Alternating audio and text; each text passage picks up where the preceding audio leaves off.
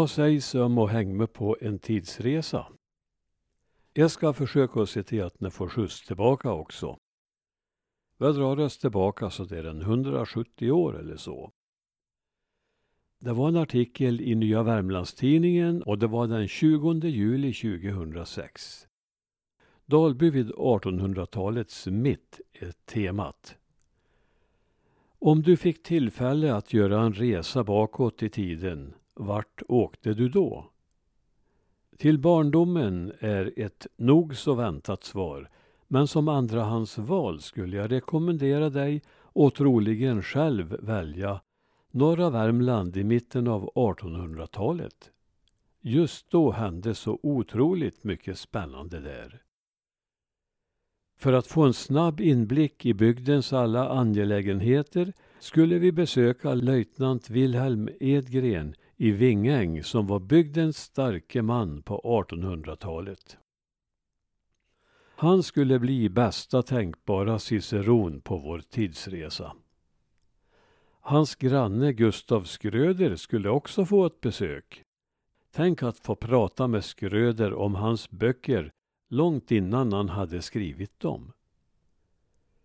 Edgren i Vingäng var känd som dalens rolighetsminister så en och annan historia vore nog att vänta och som patriot och romantiker skulle han berätta om forna storhetstider i dalen och om sägner som levat kvar genom gamla berättartraditioner. Det var mycket tack vare Edgrens påtryckningar som Höljes fick väg söderifrån 1870 och Långflon 25 år senare. Vid vårt besök i Vingäng kunde vi se ut över Klarälven där stakbåtar kom i land med tunga laster av järnmalm som sedan kördes vidare med häst till bruket i Letafors, länge norra Värmlands centrum. Vi skulle få se begynnelsen av ångbåtstrafiken på Klarälven och vem låg bakom denna utveckling om inte löjtnant Edgren. Han var nämligen delägare i ett bolag som 1863 inköpte ångbåten Klara för trafik på älven mellan Vingängsjön och Edebäck. Skoningslösa skogsuppköpare hade nu börjat roffa åt sig stora markområden och en väldig handel med skog kom igång. 1836 gjordes de första markköpen av bolag i Höljes. Bönderna smordes med sprit och stora kalas och på så sätt avyttrades stora skogar som kanske följt släkten i generationer. Laglydigheten inom denna kommers var inte stor och det hände att samma skogsområde såldes till mer än en köpare. Oerhörda penningsummor var i omlopp och hamnade hos personer som inte alls var vana att hantera pengar. Någon använde skrytsamt sedlar att tända pipan med.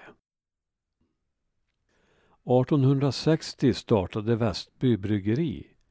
Där skapades nya arbetstillfällen och de behövdes för bara två år senare lades de rätt nya bruken i Likan och Femtan ner. Konkurrensen mellan järnbruken var stenhård och 1871 var det dags för gamla Lettafors bruk att gå i graven. Läget på den ansträngda arbetsmarknaden försämrades då ytterligare. De jobb som fanns att välja på för de egendomslösa var få.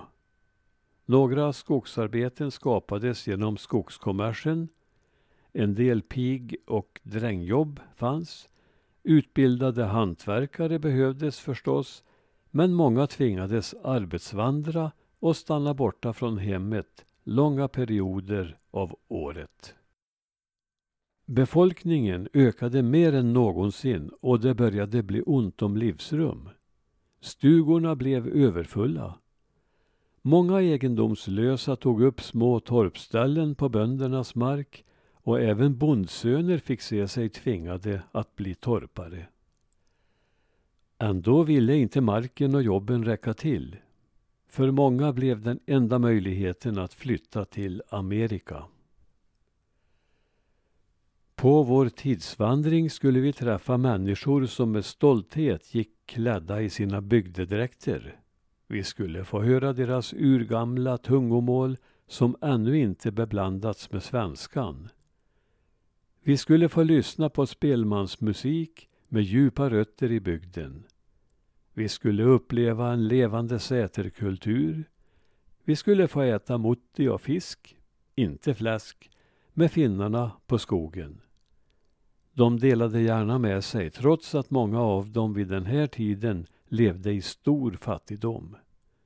De hade ju tvingats lämna sina fäders odlingsmetod som gick ut på att svedja.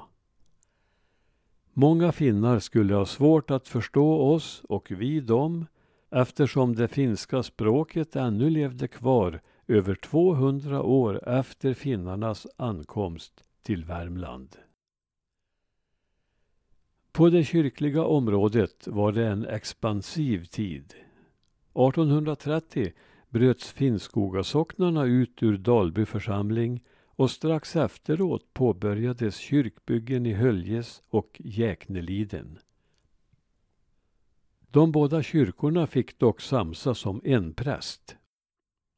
Den röda Dalbykyrkan från 1726 renoverades och blev till en vit svan.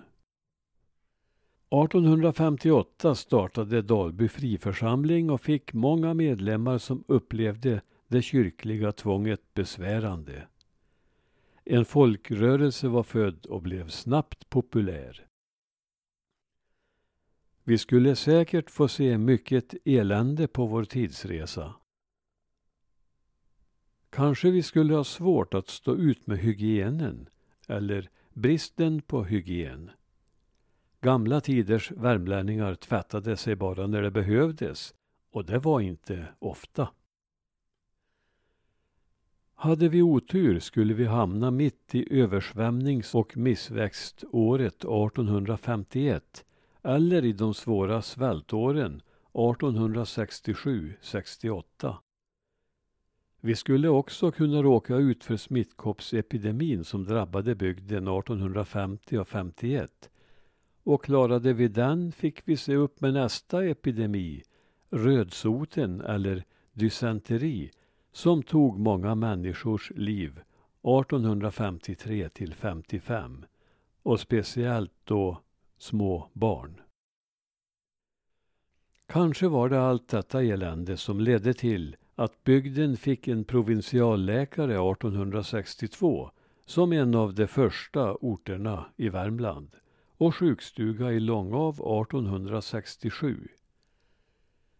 Ändå hade denne läkare svårt att få patienter i början för människorna var vana att själva ta hand om sina krämpor med naturläkemedel, ramsläsning och annat.